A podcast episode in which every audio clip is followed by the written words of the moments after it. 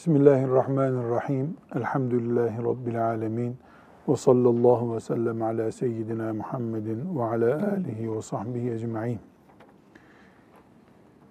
Riyazu Salihinde bugün okuyacağımız bölümün başlığı iyi işlerde çığır açmayı teşviktir.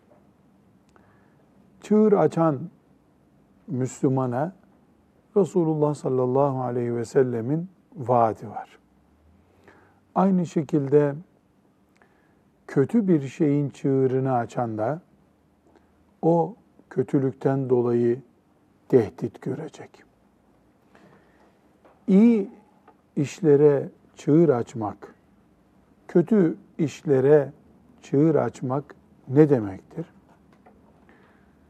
Bir iyi işin veya kötü işin öncüsü olmak demektir. Mesela bu bölümde Resulullah sallallahu aleyhi ve sellem Efendimiz 174. hadisi şerifinde Adem aleyhisselamın kardeşini öldüren katil çocuğundan işaret ederek kıyamete kadar kim bir insanı zulmedip öldürürse o öldürdüğü günahı katil olarak taşıyor. Ama ilk çığırı açan Kabil yani Adem Aleyhisselam'ın ilk çocuğu Kabil ilk çığırı, insan öldürme çığırını açan o olduğu için o kıyamete kadar kim bir insan öldürdüyse öldürme çığırını açan biri olarak Kabil'e de onun günahından yazılır buyuruyor. Meselemizin özeti budur. Kim iyiliğe sebep olursa, örnek olursa, başlatıcısı olursa, o iyilik yapıldıkça ondan sevap kazanır. Kim kötülüğe sebep olur, örnek olur, çığır açarsa, o da o kötülüğü tekrar ettikçe insanlar ona da günah gelir. Günah yazılır. Bu bölümü İmam Nevevi rahmetullahi aleyh Riyazu Salihine iki hadis koyarak yerleştirmiş. Ama öncesinde de ayetler var. Bu ayetleri de dinleyelim. Ayetlerden istifade edeceğimiz şeyler var. Onları alalım. Birincisi Furkan suresinin 74. ayeti. Ayeti celileyi de mealini de okuyalım. Euzu. Bismillahirrahmanirrahim. وَالَّذ۪ينَ يَقُولُونَ رَبَّنَا هَبْ لَنَا مِنْ أَزْوَاجِنَا وَذُرِّيَّاتِنَا قُرَّةَ أَعْيُنٍ وَاجْعَلْنَا لِلْمُتَّقِينَ imama. Onlar Rabbimiz bize eşlerimizden ve çocuklarımızdan gözümüzün aydınlığı olacak insanlar ihsan et ve bizi Allah'a karşı gelmekten sakınanlara önder yap derler. Rahman'ın kulları yani iyi müminler böyle derlermiş. Rabbena heb lena min ezvacina ve zurriyatina kurrate a'yunin vec'alna lil muttakine imama. Bu çok mübarek bir duadır. Bu duayı herhangi bir sebeple dua ederken muhakkak tekrar etmeye kendimizi alıştırmalıyız. Rabbena heb lena min ezvacina ve zürriyatina kurrate a'yunin ve cealna lil muttakine imama.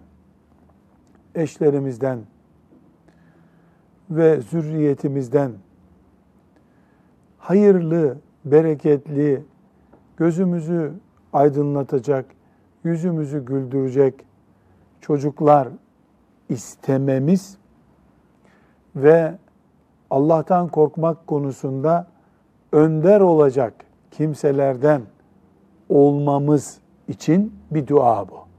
Rabbena heb lena min ezvacina ve zürriyatina kurrate a'yunin ve cealna lil muttakine imama. Namazdan sonra okunabilir, yatarken okunabilir. Çocuklarımıza dua edeceğimiz zaman okunabilir. Eşlerin birbirlerine dua edeceği zaman okunabilir. Mübarek bir duadır. Duanın mahiyetinde lil muttakine imama var. Nevevi bundan dolayı da bu ayeti buraya yerleştirmiş. Müslümanın iyi iş yapmak, mesela namaz kılmak, mesela sadaka vermek, iyi iş yapmaklar bunlar. Bu Müslümanın hedefi olduğu zaman evet vebalden kurtulmuş olur. Müslüman olarak ve Allah'ın emirlerini yerine getirerek cennete girecek bir iş yapmış olur. Ama bu ayet, Furkan suresinin bu ayeti daha ileri bir hedef gösteriyor Müslümana. Ne diyor? Bizi Allah'tan korkan müttaki kulların önderlerinden yap diyor. Demek ki Müslüman sadece iyi iş yapmakla yetinmemeli, iyi iş, iyi çığır açan önder olmalı Müslüman. İmam-ı Azam rahmetullahi aleyh Kur'an'ı ve fıkı anlamada önderlik yaptı. Alimdi, zekiydi, öyle oldu. Ashab-ı kiram Allah onlardan razı olsun iyi önder oldular. Hadice binti Huveylid radıyallahu anha anamız Resulullah sallallahu aleyhi ve sellemin hanımı kadınlardan ilk defa Allah diyen kadın olup bir çığır açtı. E biz ne yapabiliriz ki? Yani ben ne Hadice olabilirim radıyallahu anh'a, ne sahabe olabilirim, ne İmam-ı Azam olabilirim, ne Salahaddin Eyyubi olabilirim. Yaşım geçmiştir, e, cahilim, konumum uygun değil, köydeyim. Hayır, bu bakış tarzı yanlış. Her insan uluslararası büyük bir organizasyonun başı olmayabilir ama her insan muhakkak bir arkadaşının önünde çığır açabilir. Kötülüklerden tövbe etme konusunda üç arkadaşını ikna eder. Onların çığırını açmış olur. İmam-ı Azam olmadığı halde o, sahabelerden biri olmadığı halde kendi çapında önderlik yapmış olur. Çocuklarına ahlak önderliği yapmış olur. Çocuklarının ibadet bağlısı olmasını, ibadet etmelerini sağlayarak onlara önder olmuş olabilir. Yani hepimizin döndüğü bir eksen var. O eksende bir dairemiz var bizim. O dairemizde muhakkak etki edebiliriz. Dolayısıyla müttakilerin, Allah'tan korkan kulların önderi olma hedefi sadece İmam-ı Azamlara mahsus bir hedef değildir. Sadece ashab-ı kirama mahsus bir hedef değildir. Onlar Resulullah sallallahu aleyhi ve sellemin ekseninde bulundular. O büyük eksende büyük işler yaptılar. E Allahu Teala beni de filanca köyde 3-5 arkadaşla yaşayan bir Müslüman olarak yarattı. Ben de onlara önder olurum. Mesela onların mesela sigarayı bırakmalarına vesile olurum. O işin çığırını açmış olurum. Onlar da benim sabah namazını köy camisine gitmeme, alıştırmaya vesile olurlar. Onun çığırını açmış olurlar. Yani bu konuda, bu Furkan suresinin ayeti konusunda hepimizin yapabileceği, becerebileceği bir iş muhakkak vardır. Kaçamak yapmaya hakkımız yoktur. Enbiya suresinin 73. ayetini de buraya alalım. Nevevi almış, okuyalım. Orada da Allahu Teala önderlikten söz ediyor. وَجَعَلْنَاهُمْ اَئِمَّةً يَهْدُونَ بِأَمْرِنَا Biz onları emrimiz uyarınca insanlara doğru yolu gösteren birer rehber kıldık. Ayetin devamında lemma sabaru var. Sabrettikleri için. Sabrettikleri için onları e, insanlara yol gösteren örnekler yaptık, önderler yaptık Allah buyuruyor. Tabi burada kimi kastediyor? Peygamberleri kastediyor, salih kullarını kastediyor. Ama yine bu bizim için de geçerli. Neden geçerli? Biz de evimizde üç tane çocuğumuzun, eşimizin veya sıla rahim bazında akrabalarımızın önderleri olabiliriz. Eğer sabredersek, sabırla 5 sene, 10 sene istikrarlı bir şekilde Allah'a davet eden, hayrı konuşan insan olursak sonunda biz de bu ayetin muhtevasına dair oluruz Allah'ın izniyle. Evet, şimdi Cerir bin Abdullah radıyallahu anh isimli sahabinin rivayet ettiği uzunca bir hadisi şerif var. Bu hadisi şerifte çok hoş bir öğüt de var. Hepimizi teşvik eden bir nitelik de var. Resulullah sallallahu aleyhi ve sellem Efendimizin bir çığır açan Müslümana vaat ettiği sevap var. Onu göreceğiz biiznillahü teala.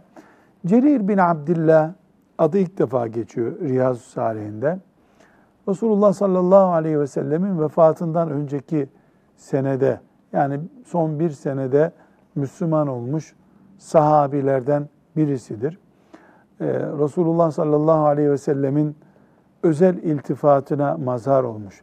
Mesela siz e, toplumun şahsiyeti ileri tiplerinden birini gördüğünüzde ona ikram edin. Onun için ayağa kalkın şeklindeki uyarısı sallallahu aleyhi ve sellem Efendimizin bu sahabi için söylenmiş bir uyarıdır. E, Efendimiz sallallahu aleyhi ve sellem bu Medine'ye Efendimiz'i ziyarete geldiğinde Efendimiz cübbesini çıkarıp e, yere koyup sen gel buraya otur buyurmuş. Yani toplumun ileri gelen efendi bir şahsiyeti olduğu için kısa bir e, beraberliği var Resulullah sallallahu aleyhi ve sellem'de. Yani bir seneden daha az. Peygamber sallallahu aleyhi ve sellemle beraber oldu. Yüze yakın hadisi şerif rivayet etti ve böyle üstün e, taltiflere mazhar oldu. Allahu Teala şefaatine ermeyi hepimize nasip etsin. Bu hadisi şerifi de o rivayet ediyor. Hadisi uzunca bir miktar, bir sayfa kadar bir hadis-i şerif. Kolay anlaşılsın diye ben özet yapayım. Ee, Resulullah sallallahu aleyhi ve sellem bir sabah vaktinde Mescid-i Nebi'de ashabıyla otururken e, Mudar isimli bir kabileden bir grup e, yarı çıplak vaziyette insanlar e, Efendimiz sallallahu aleyhi ve sellem'i ziyarete gelmişler. Halbuki bu kabile daha önce zenginliğiyle bilinen bir kabileymiş. Ne kadar fakir ve zavallı düşmüşler ki yani çıplak ve aç vaziyette Resulullah sallallahu aleyhi ve sellemi ziyarete gelmiş onlardan bir grup. E, kılıçları da e, bellerindeymiş. Demek ki yani bir cihat emri varsa bu fakirliklerine ve açlıklarına rağmen o cihat emrini yerine getirmeye de hazır vaziyette gelmişler. Efendimiz sallallahu aleyhi ve sellem onların bu büyük kabileden yani bu daha önce zenginliği ve şöhretiyle bilinen bu kabileden olduklarını anlayınca yani ne halden ne hale gelmiş bu adamlar.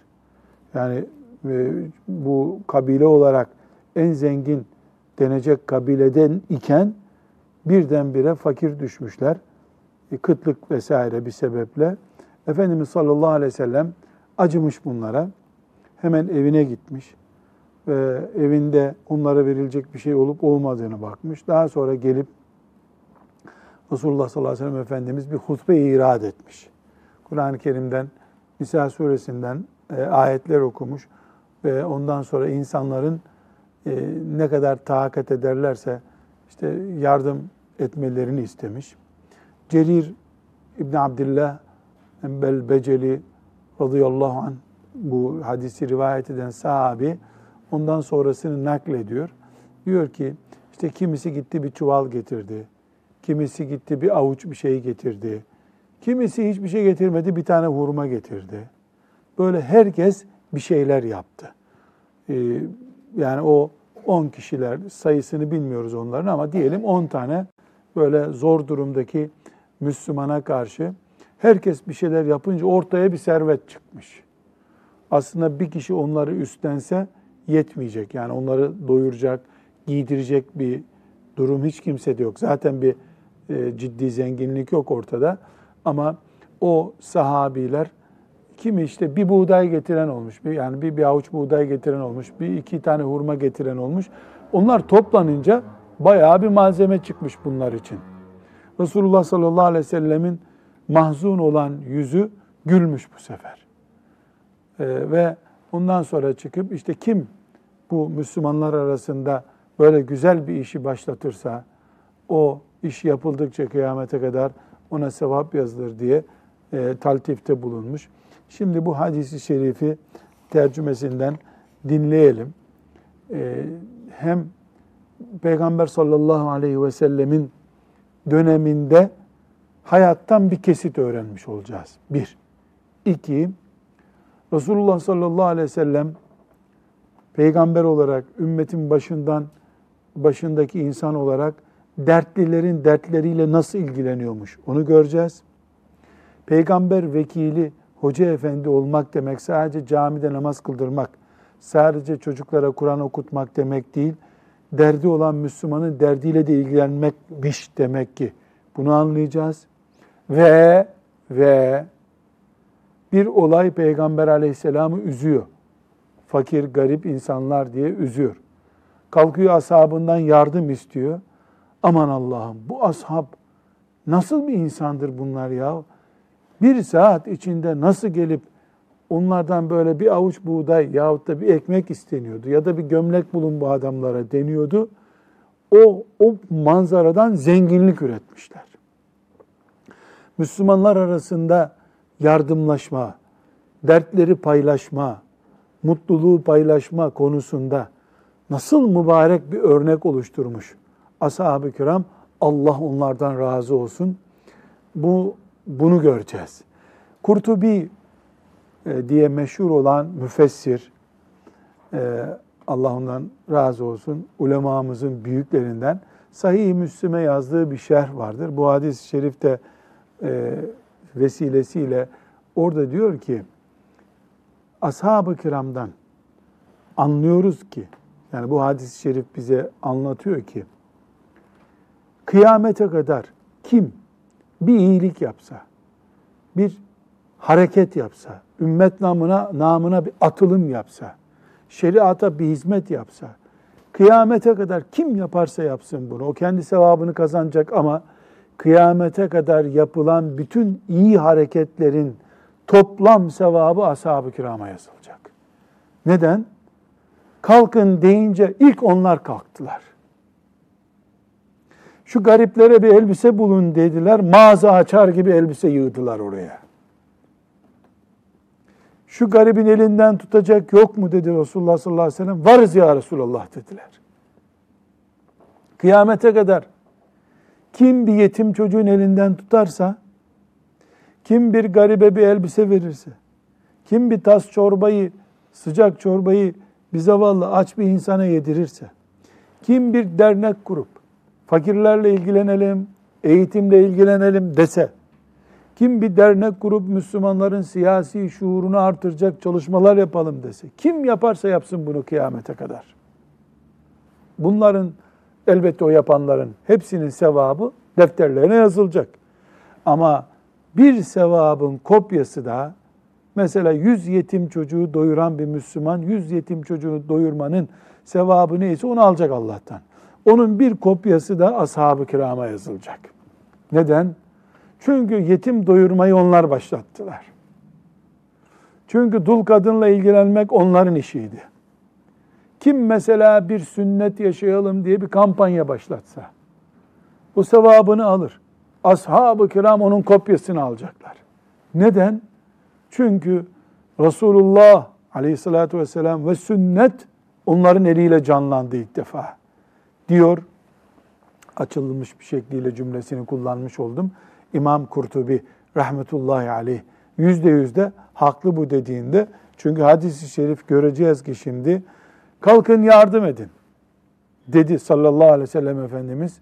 Bir kişi kalktı hemen ben gideyim eve dedi.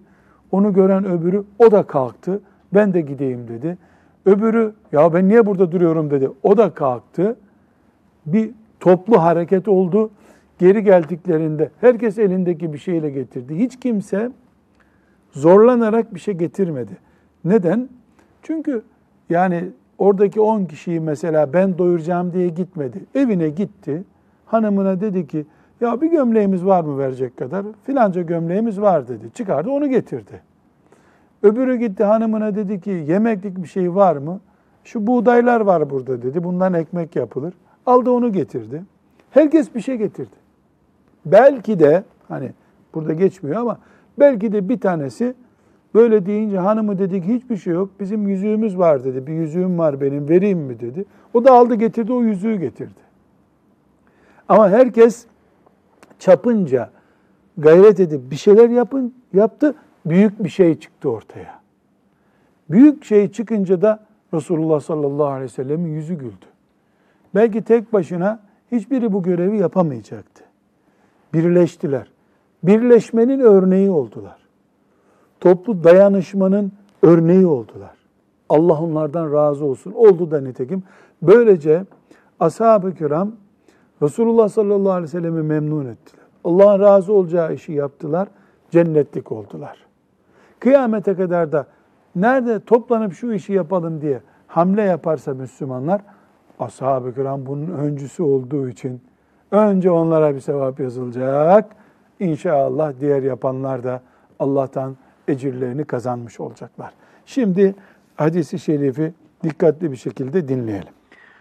Ebu Amr Cerir İbni Abdillah radıyallahu anh şöyle dedi.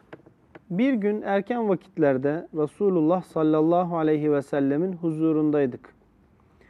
O esnada kaplan derisine benzeyen alacı çizgili elbise veya abalarını delerek başlarından geçirmiş ve kılıçlarını kuşanmış, tamamına yakını belki de hepsi Mudar kabilesine mensup neredeyse çıplak vaziyette bir topluluk çıka geldi.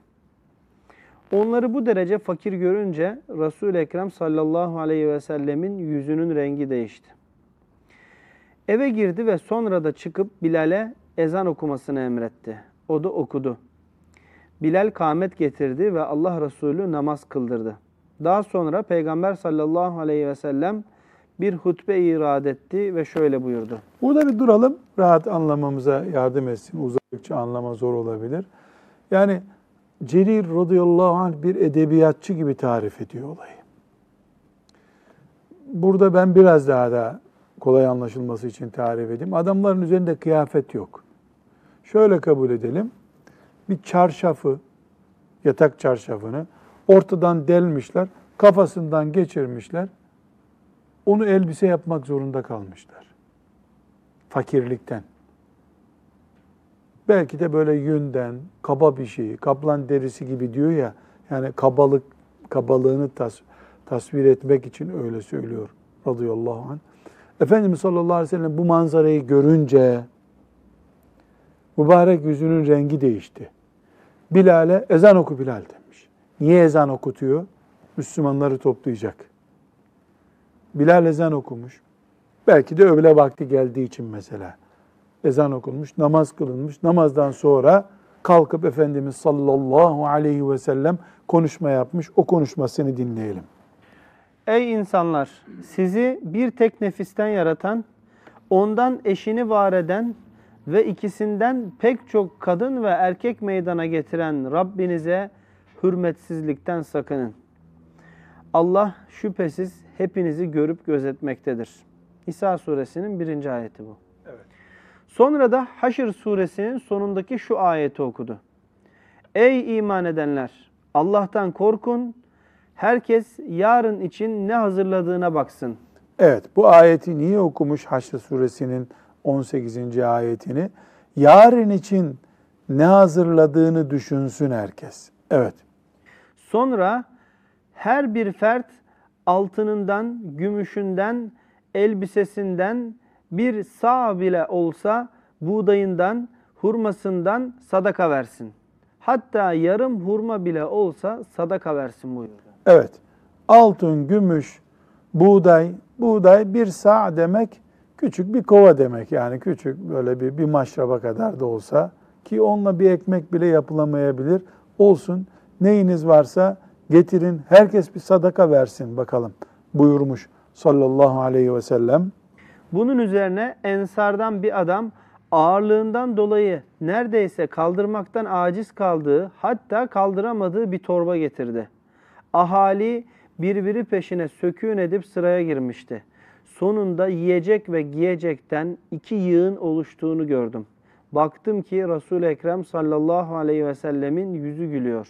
Sanki altın gibi parlıyordu. Evet. Sonra Şimdi ne oldu? Bir sahabi kalktı, koca bir çuvalı doldurdu ama taşıyamıyor o kadar. Biri onu getirdi, biri şunu getirdi. Bir küme yapılmış yerde o yetmemiş bir küme daha yapılmış. Yani bir tür ihtiyaçtan fazlasını getirmişler. Resulullah getirin dedi aleyhissalatü vesselam. Kalktılar, getirdiler. Bunun için kanun çıkmadı. Bunun için üç kere beş kere ricada bulunmadı aleyhissalatü vesselam Efendimiz. Ey Müslümanlar yarın için ne hazırladığınıza bakın ve sadaka getirin buyurdu o kadar. O kadar. Evet. Sonra Peygamber Efendimiz aleyhissalatü vesselam şöyle buyurdu. İslam'da iyi bir çığır açan kimseye bunun sevabı vardır. O çığırda yürüyenlerin sevabından da kendisine verilir. Fakat onların sevabından hiçbir şey eksilmez. Her kim de İslam'da kötü bir çığır açarsa o kişiye onun günahı vardır. O kötü çığırda yürüyenlerin günahından da ona pay ayrılır. Fakat onların günahından da hiçbir şey eksilmez. Evet. Ashab-ı kiram Allah onlardan razı olsun. Efendimiz sallallahu aleyhi ve sellemin yüzünü bu şekilde güldürünce onlara hem sadakalarının kabul olduğuna işaret etmiş oldu hem de siz bugün bir örnek yaptınız. Ne örnek yaptınız? Bir garip mümin grup geldi. Ben size dedim ki bunlara yardım edelim. Gittiniz, geldiniz. Bu teklifim üzerine bu yardımı gerçekleştirdiniz. Tamam. Bu güzel bir hareket. Evet, güzel bir hareket. Bu sizin sevabınız oldu. Daha sonra kim sizi böyle taklit ederse, burada zavallı Müslümanlar var deyip bir hareketlenme olursa ve onlar da toplanıp bu ihtiyaçları giderirlerse hem sevap kazanacaklar hem siz de sevap kazanacaksınız. Neden? Onlar bu sadaka işini yaptıkları için sevap kazanacaklar. Siz onlara örnek olduğunuz için sevap kazanacaksınız. Maazallah. Şöyle bir şey olsaydı, olmadı, hiç olmadı Efendimizin sağlığında, olsaydı ne olurdu? Ya Resulallah sen bize ver diyorsun ama bizim çocuklarımız da bu Medine sokaklarında ayakkabısız dolaşıyor zaten. Ne bulduk da ne vereceğiz?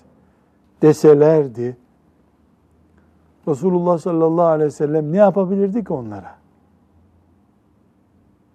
Çünkü çok da yabana atılır bir şey değildi bu. Gerçekten onların da çocukları var. Ve Medine zengin bir şehir değil. Neticede kıt kanaat geçinilen bir yer. Öyle yapmadılar. Güçleri yettiği kadar, ellerinden geldiği kadar destek oldular. Bu destek bereketlendi. Allah bunu kabul buyurdu. Böylece hem sadaka verme işini yaptılar hem örnek oldular. Bunu diyoruz ki Müslüman bunu toplumunda yapabilir. İmam efendi olarak yapabilir, öğretmen olarak yapabilir, muhtar olarak yapabilir. Toplumsal bir niteliği, kimliği olmayanlar evinde bu örneği yapabilir. Akraba arasında yapılabilir. Arkadaşlar filanca çocuğuyla ilgilenemiyor. Gelin akraba olarak bunu sahiplenelim deyip bir kişi yaptığında ağır kaçacak ama 20 aile sahiplendiğinde hiçbirine yük olmayacak, onun da ihtiyacını karşılayacak bir mantıkla yapabilirler mi? Yapabilirler. Bu sevap arzu eden, Allah'ın rızasını arzu eden için kolay bir iştir. Ama elbette insan gaflete düşüp de bu dalgınlığıyla ahireti unutursa bunu düşünemez. Bu meselenin bir boyutu. Hadis-i şerif bunun negatif görüntüsünü de bize tarif ediyor. Yani kötü bir çığır açan birisi de sadece açtığı, yaptığı kötülükle kalmıyor. Kıyamete kadar onu kim taklit ederse o taklidinin bedelini ödüyor. Bu taklidinin bedelini ödüyor. Burada bu hadisi şeriften e, bitirdik diye öbür hadise geçmeden önce bir şeyi vurgulamak istiyorum. Resulullah sallallahu aleyhi ve sellem peygamberimizdir. Alimler Resulullah sallallahu aleyhi ve sellemin vekilidirler. El ulemâ'u varasetul enbiya. Alimler peygamberlerin varisleridirler. Bu varislik Kur'an öğretirken var mı? Var. Camide namaz kıldırırken var. Talebe öğretirken var. Kitap öğretirken var. Olmalı da. Alim sadece bilgi stoklayan insan değildir. Peki, madem Resulullah sallallahu aleyhi ve sellem Efendimiz oturup bu fakirlerle, bu yarı çıplak insanlarla ilgilendi, sahiplendi yani bu işi. Hadi herkes bir şeyler yapsın buyurdu. Bu kime miras kalacak? Alime kalacak. Hoca efendiye kalacak. Müezzin efendiye kalacak. Dolayısıyla alimin peygamber varisi olması aleyhissalatü vesselam namaz kıldırırken, kitap okuturken olduğu gibi garip müminlerle, dertlilerin dertleriyle ilgilenirken de olacak. Aksi takdirde alim olur, mirasın hakkını vermediği için bereketsiz alim olur. Soğuk yüzlü alim olur. Mesleğinden sadece geçinir ve sadece koltuk edinir görüldüğü için de meleklerin onu ebediyen peygamber varisi gibi görmeleri mümkün olmaz. Bu çağda ve bundan sonraki çağlarda peygamber varisi, alim, imam, müezzin, davet ehli, Allah'a davet eden insanlar Peygamber sallallahu aleyhi ve sellemin bu sosyal yönünü kime bıraktıklarına dikkat etmelidirler. Peygamber sallallahu aleyhi ve sellemin namazını aldık, haccını aldık, Kur'an'ını aldık. Bu da alınması gereken bir boyutu. Resulullah sallallahu aleyhi ve sellemin vazifesi değil de onları doyurmak. Ama o garip görüntüye merhamet dolu yüreği dayanamadı. Bu bölümünü Resulullah sallallahu aleyhi ve sellemin bu sosyal bölümünü alıp almadığını her alim, her hoca efendi, her peygamber varisi olduğunu düşünen iyi idrak etmelidir. Hesap etmelidir. Bunun bir dipnotunu da açmak zorundayız. O dipnotta şu. Resulullah sallallahu aleyhi ve sellem Bilal'e tembih etti. Bilal ezan okudu. İnsanlar toplanınca bu görev yerine getirildi. Kimse orada tutanak tutmadı. Makbuz kesmedi. Zabıt yoktu. Sayın eksik olmasın diye kimse bir şey demedi. O günkü itimat ortamı, o günkü ahenkli kardeşlik bu ihtiyacı giderdi. Bugün bir hoca efendi, bir müezzin efendi, bir alim bu şekilde yapamaz bunu. Neden yapamaz? alimliği o gün biter. Bu kadar parayı, bir kamyon erzakı ne yaptığını hem devlet sorar, başı belaya girer. Memursa memurluğu açısından sıkıntı, memur değilse zaten prestiji açısından bir sıkıntı. E peki bu görevi ihmal mi edeceğiz? Asla ihmal etmeyeceğiz. Asla ihmal etmeyeceğiz. Peki ne olacak? Bugün elhamdülillah bütün dünyada Müslümanlar bu sosyal ihtiyaçları giderecek kurumların sahibi olmuşlardır. Hoca efendiler, alimler bu kurumlara danışmanlık, yönlendirme hizmetleri yaparak veya fiilen bu kurumlara iştirak ederek, kurucusu olarak, yönetimine girerek veya bir bölümüne girerek bu hizmetleri devletlerin tanıdığı sivil kurumlar vasıtasıyla yapmalıdırlar. STK eliyle yapmalıdırlar. Hem Peygamber sallallahu aleyhi ve sellemin bu kimliğine sahip olunulmuş olur. Böylece miras hakkıyla elde edilmiş olur. Hem de devlet bazında itham noktalarından uzak durulmuş olur. Köy yerinde bile olsa Ahmet'ten alıp Mehmet'e verirken imam efendi, alim, müezzin veya başka bir Müslüman itham noktasına çok yakın mesafede duruyordur. Belki nefesi bile etkilenmemiştir o toplanan şeylerden ama insanların ithamı ensesinde durur. Kurumlar vasıtasıyla yapmak lazım. E, kastı kötü olanlara karşı tedbir açısından hem hocalık müessesesini hem de İslam'ın sadaka ve sosyal yardımlaşma kurumunu zedelememek lazım. Yani bu beni seviyorlar, tanıyorlar gibi bir maske ile örtülemeyecek kadar riskli bir alandır. Bütün dünyada böyle bir durum söz konusudur.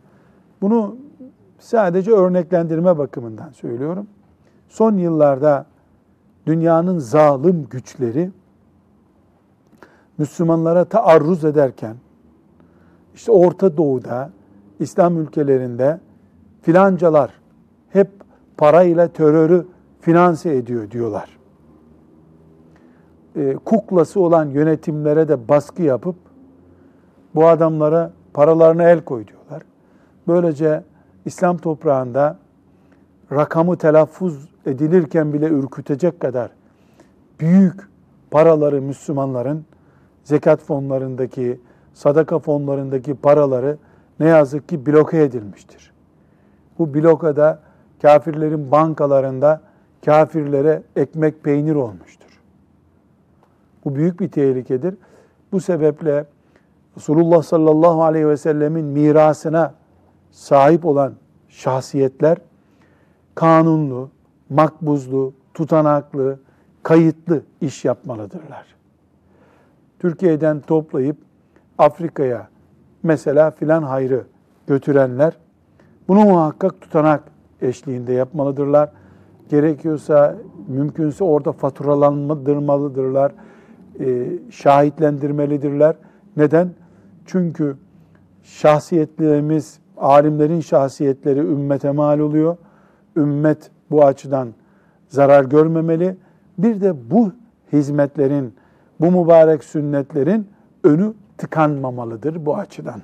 Evet, 174. hadisi şerif bu e, bahsettiğimiz mübarek işin negatif görüntüsünü önümüze koyuyor. Bunu ters bir şekilde yaptığımız zaman da maazallah bir afet oluyor bu. İşte Adem'in iki çocuğundan biri, ta Adem babamız aleyhisselam, iki çocuğundan biri birini öldürdü. Katilliği ilk defa yaptı. Kim kıyamete kadar bir cinayet işlerse insan üzerinde, Habil'in katili olan Kabil bu cezadan payını alacak. Kötü çığır açmanın akıbetini tarif ediyor sallallahu aleyhi ve sellem Efendimiz. Bu hadis-i şerifin mealini okuyalım. İbn Mesud radıyallahu anh'ten rivayet edildiğine göre Resulullah sallallahu aleyhi ve sellem şöyle buyurdu. Haksız olarak öldürülen her kişinin kanından bir pay Adem'in ilk oğluna ayrılır. Çünkü o insan öldürme çığırını ilk başlatan kişidir. Sallallahu aleyhi ve sellem Efendimiz cinayetten örnek verdi. Ama başka işlerde de bu. Mesela alkol tüketti bir Müslüman, bir insan. Ona günah yazıldı. İlk alkol kim içtiyse bu dünyada o günah ona da yazılacak. Mesela, mesela bir kadın tesettür denmeyecek bir kıyafetle sokağa çıktı. Bu hilafet topraklarında ilk defa açık bacağıyla dolaşan kadın o gün vebale girmişti. Şimdi bu çıplak kadın, buluğ çağına erdikten sonra çıplak gezen kız çocuğu kaç günah kazandıysa o kadar onun defterine yazıldı. Bir köyde ilk defa et rengi çorap giyerek erkeklerin gözüne cazip görülecek işi yapan kadın daha sonra o köyde bu haramı işleyen kim varsa onun günahından pay alacak. Öbürünün günahı zaten yazılacak. Ama bu payı o alacak muhakkak. Ölçü şu. Bir haramı ilk teşvik eden önce olmuştur.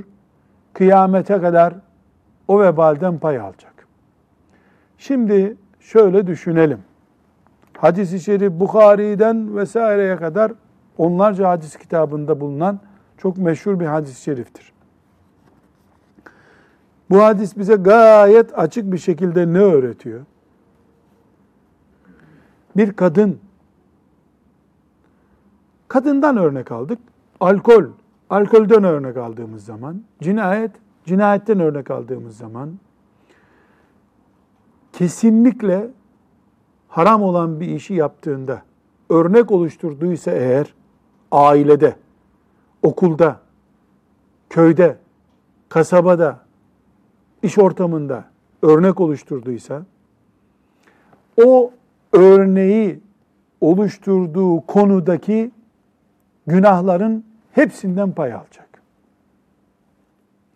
Bugün dünyada ne kadar alkol içiliyorsa, kaç insan alkol ilk alkolü içen on, o günahlarla dirilecek kıyamet günü. Bunlar da günahını alacaklar tabi. Bu İslam toprağında küfrü, şirki, haramı, alkolü, çıplaklığı ilk getiren kimse, şimdi mesela çıplak denecek kadın kaç kişi bu ülkede? 30 milyon. 30 milyon kere çıplak olarak yaşamış gibi suçlu dirilecek kıyamet günü o. Tıpkı namazda, filan ibadette bu gerçeğin böyle olduğu gibi. Ve sallallahu ve sellem ala seyyidina Muhammed ve ala alihi ve sahbihi ecma'in velhamdülillahi rabbil alemin.